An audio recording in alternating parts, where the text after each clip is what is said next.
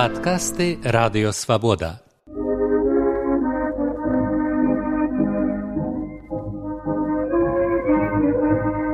Падарожжа ў БНР з Сергеем Шупам.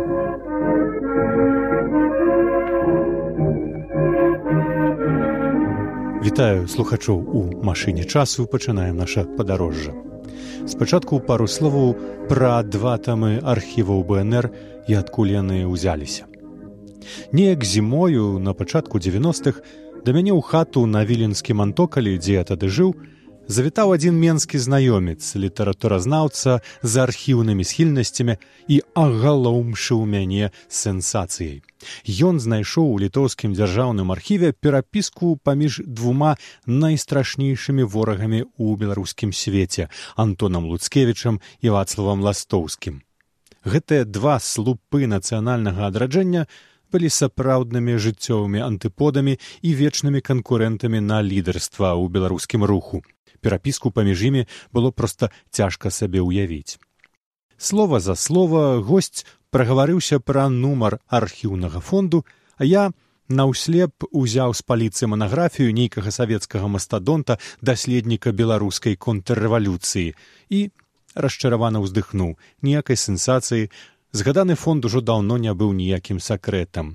Толькі што раней ён быў закрыты, дазвол працаваць з ім давалі кампетэнтныя органы, таму звычайныя беларусы да яго доступу не мелі. А цяпер у 1992 тэарэтычна мелі, але ж у тую вільню ўжо так проста не наездзішся. На другі дзень я выбраўся сам з аднаго канца антокаля ў другі у той самы архіў і выйшаў з яго праз шэсць гадоў з двума тамамі вагою на два з паловай кілаграмы у якія ўвайшлі тры тысячи восемьсот семьдесят три дакументы на тысяча семьстах двадцать дзвюх старонках. Кароткае апісанне маіх заняткаў у выходных звестках падаецца так укладанне падрыхтоўка тэксту уступны артыкул каментары пераклады паказальнік кампутарны набор і макет выданне арганізаваў нью-йоркскі беларускі інстытут навукі і мастацтва на чале з яго бяззменным дырэктарам вітаўтам кіпелем макет падрыхтавалі калегі з віленскага таварыства беларускага пісьменства а з друкам дапамаглі знаёмыя з элітнага віленскага выдавецтва балтос ланкос. Так мне давялося пабыць гісторыкам і нават трапіць у энцыкляпедыю і бібліяграфію універсітэцкіх курсаў А вось перапіскі луцкевіча і ластоўскага там ніякай і не было. Это тупы энкавыдысцкі архівіст так назваў адну са справаў фонду, не разабраўшыся як след у адрасатах і адрасантах. Віленская частка архіваў БНР гэта 135 справаў у двух вопісах, 135 тэчак рознай таўшчыні і глыбіні, апрацаваныя архівістамі савецкіх спецслужбаў у канцы 1940х гадоў. І гэта толькі частка раскіданага па свеце і часткова страчанага або яшчэ не знойдзенага цэлага. Прыблізна гэткая самая паводле аб'ёму частка захоўваецца ў менску. Седзячы ў архіве і перабіраючы справы старонка за старонкай, я адкрыў для сябе новы невядомы свет, краіну і эпоху. Найбольш мяне ўразіла тое, што беларуская народная рэспубліка была зусім не такою, якія выстаўлялі савецкія гісторыкі і прапагандысты, але і не зусім такою, як яе бачылі прыхільнікі ідэі бнр пераважна ў эміграцыі. І адны і другія лічылі яе буржуазна-нацыяналістычнай пасутнасці, толькі першыя яе за гэта ганілі, а другія хвалілі. А насамрэч яна такім спрошчаным дэфініцыям не падлягае. І яшчэ я ва ўсім гэтым дакументальным масіве убачыў матэрыял нават не для гістарыяграфіі, а для літаратуры. Дзве кнігі архіваў БНР можна чытаць проста як постмадэрнісцкі раман, пачаўшы з любога месца, а далей па спасылках. А можна і як раман традыцыйны, напрыклад, так. Падкасты радыёвабода. Падарожжа ў БНР з Сергеем Шупам. Пачалася ўся гэтая гісторыя са студзеньскага вечара ў 1916 годзе. У віленскай кавярні чырвоны штраль бавіла вечар заўсёдная стракатая кампанія тутэйшых інтэлігентаў. На той час ужо паўгода край жыў пад нямецкай акупацыяй. Віленскія палякі, літоўцы і беларусы пачыналі адкрыта гаварыць пра тое, пра што яшчэ зусім нядаўна пад расейцамі не спрабавалі нават думаць. Згаданая кампанія ўштраліі ўпершыню шчапілася за палітыку. Шчапілася сур'ёзна, за рэзкімі словамі пайшлі рэзкія рухі. Спрачаліся за вільню абражаны нечаканымі прэтэнзіямі беларусаў зацяты паляк архівіст вацлаў студніцкі вырашыў спрэчку радыкальна паслаўшы ў накаут свайго хваравітага апанента беларускага лідара івана луцкевіча якога паплечнікам давялося выносіць са штралю на руках. Этую сцэну маляўніча апісаў сваім дзённіку будучы літоўскі дыпламат пятрас клімас не хаваючы злараднага задавальнення, хай сабе канкурэнты тузаюцца між сабою. Клімас, аднак не ведаў, што гэты інцыдэнт быў адным з першых імпульсаў, які падштурхнуў Івана і Антона Луцкевічаў, тагачасных правадыроў беларускага палітычнага руху да выхаду на новы палітычны шлях. Ці ёсць сэнс марыць пра вялікія княствы і рэчы паспалітыя з такімі прагнымі і падступнымі хаўруснікамі. Незалежнасць толькі незалежнасць. Ад таго часу падзеі пачалі развівацца штораз хутчэй. Сталіцай беларускага руху ў 1917 упершыню і канчаткова зрабіўся Менск.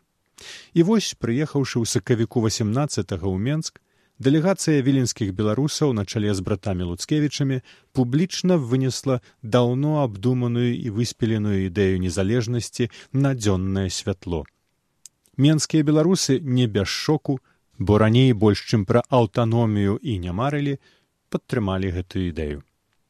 І хоць беларуская народная рэспубліка захоўвала рэальны кантроль на рэальнай тэрыторыі зусім нядоўга ужо і гэтага было дастаткова каб сон палітыкаў культурнікаў стаўся явай. Наступствы тых здавалася б на пачатку зусім незаўважных эфемерных выпадковых падзеяў мы бачым сёння на карце Еўропы. Падзеі першай сусветнай вайны, якая ў Беларусі працягвалася амаль сем гадоў найдаўжэй у свеце, не пакінулі БНР шанцаў на спакойнае жыццё. Сталіца, сядзіба кіраўніцтва з Менску перасунулася ў вільню, пасля ў горадню, адтуль у Берлін, рыгу, коўна, прагу, парыж, адтуль і на агул за акіян, дзе застаецца і цяпер. Аднак з самой беларусі бнр так ніколі і не знікла. А ператварылася ў прывід які ўвесь гэты час жыў у беларускім доме сваім таямнічым жыццём палохаючы адных яго насельнікаў і навяваючы рамантычны настрой другім а ў канцы двадцатого стагоддзя вырваўся на вуліцы і плошчы захапіў парламент і ўрад выявіўся на пашпартах грошах дзяржаўных сімбалях каб праз некалькі гадоў адысці ў бок і зноў чакаць свайго вяртання непазбежнага як узыход сонца. Падкасты радыёвабода падарожжа ў бнр з сергеем шупам.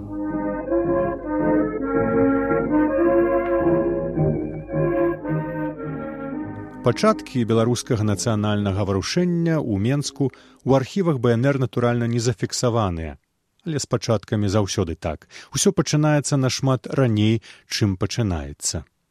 Але тут не будзем згадваць старажытны полацак вялікае княства літоўскае ці першую сусветную вайну а перанясемся ў часе роўна на год раней за дату абвяшчэння незалежнасці бнр двадцать пять сакавіка восемнадцатого году. Вось жа двадцать пять сакавіка тысяча девятьсот семнадцатого у менску усё беларускае што толькі магло знайсціся сабралася на з'езд беларускіх нацыянальных арганізацыяў. У авангардзе гэтай падзеі быў менскі беларускі нацыянальны камітэт у які адразу пасля расійскай лютаўскай рэвалюцыі перайменаваў сябе менскі аддзел беларускага таварыства дапамогі пацярпелым ад вайны. З'езд вітаў часовы ўрад рассіі і выказаўся ўпершыню за аўтаномію беларусі ў складзе дэмакратычнай рассіі На з'ездзе быў створаны орган палітычнага прадстаўніцтва беларускага руху беларускі нацыянальны камітэт на чале з буйным землеўласнікам раманам скірмунтам. Аднак бальшыню сяброў камітэту склалі прадстаўнікі беларускай сацыялістычнай грамады. З кірмунта паслалі ў петраград дамаўляцца з расейцамі аб аўтаноміі, але ні пра што дамовіцца не ўдалося. У ліпені ў менску на з'ездзе беларускіх арганізацыяў і партыяў левыя адсунулі правых у бок і абралі новы прадстаўнічы орган цэнтральную раду беларускіх арганізацыяў на чале з выканкамам, дзе ўжо вялі рэй дзеячы беларускай сацыялістычнай грамады. Важна зазначыць, што ў тыя першыя месяцы вясной і летам 1917 у Менску, будучай сталіцы Беларусі, упершыню ў публічную прастору уварвалася беларуская мова. Яна гучала на сходах і мітынгах, на ёй друкаваліся ўлёткі і адозвы, а ў траўні пачала выходзіць першая ў менску беларуская газета вольная Беларусь. Першая сесія цэнтральнай рады беларускіх арганізацыяў 5 жніўня 17 распачалася спрэчкамі аб мове. Абраны прысутнымі старшыня станіслав петрашкевич узяўшы слова выбачыўся што не знаючы акуратней беларускай мовы будзе гаварыць па-расейску. І пайшло паехала першым бараніць моўныя пазіцыі кінуўся нацыянальна сведамы ксёнз александр сак запатрабаваўшы каб старшыня пакінуў сваё месца або гаварыў па-беларуску. Але талерантныя калегі шантар равінскі цвікевич патлумачылі чалавеку ў сутане што дзеля насільства старога ладу выгнуўшага мову са школы толькі хто ніхто з паміж свядомых беларусоў можа гаварыць па-беларуску. Абураны стаўленнем сходу да гэтай важнай справы ксёндз сак пакінуў залю яшчэ адным месцам прабуксоўкі на сесіі сталася пытанне выбару палітычных прыярытэтаў. Тут назіраўся пэўны гендерны дысбалянс спрэчка абышлася без мужчынаў. Правая ванда лявіцкая закінула прамоўцам што яны замала ўвагі звяртаюць на нацыю. А левая палута бадунова тут жа абвясціла што уперад сацыялізм а пасля нацыя На першай сесіі цэнтральнай рады 6 жніўня быў прыняты і статут беларускіх нацыянальных культурна-прасветных гурткоў у войску. Это быў адзін з першых дакументаў, у якім экспліцытна згадваецца беларуская нацыянальная сімволіка. У пункце 19 статуту напісана: кожны член беларускай грамады ў войску павінен насіць беларускі нацыянальны знак, белая стужка з чырвонай палоскай пасярэдзіне усе тры палоскі белая чырвоная і белая адны шырыні. Вы слухали падкаст радыёвабода наступны выпуск праз тыдзень. Усе падкасты свабоды ў інтэрнэце на адрасе свабода кропка орг штодня у любы час у любым месцы. Калі зручна вам. Свабода кропка орг ваша свабода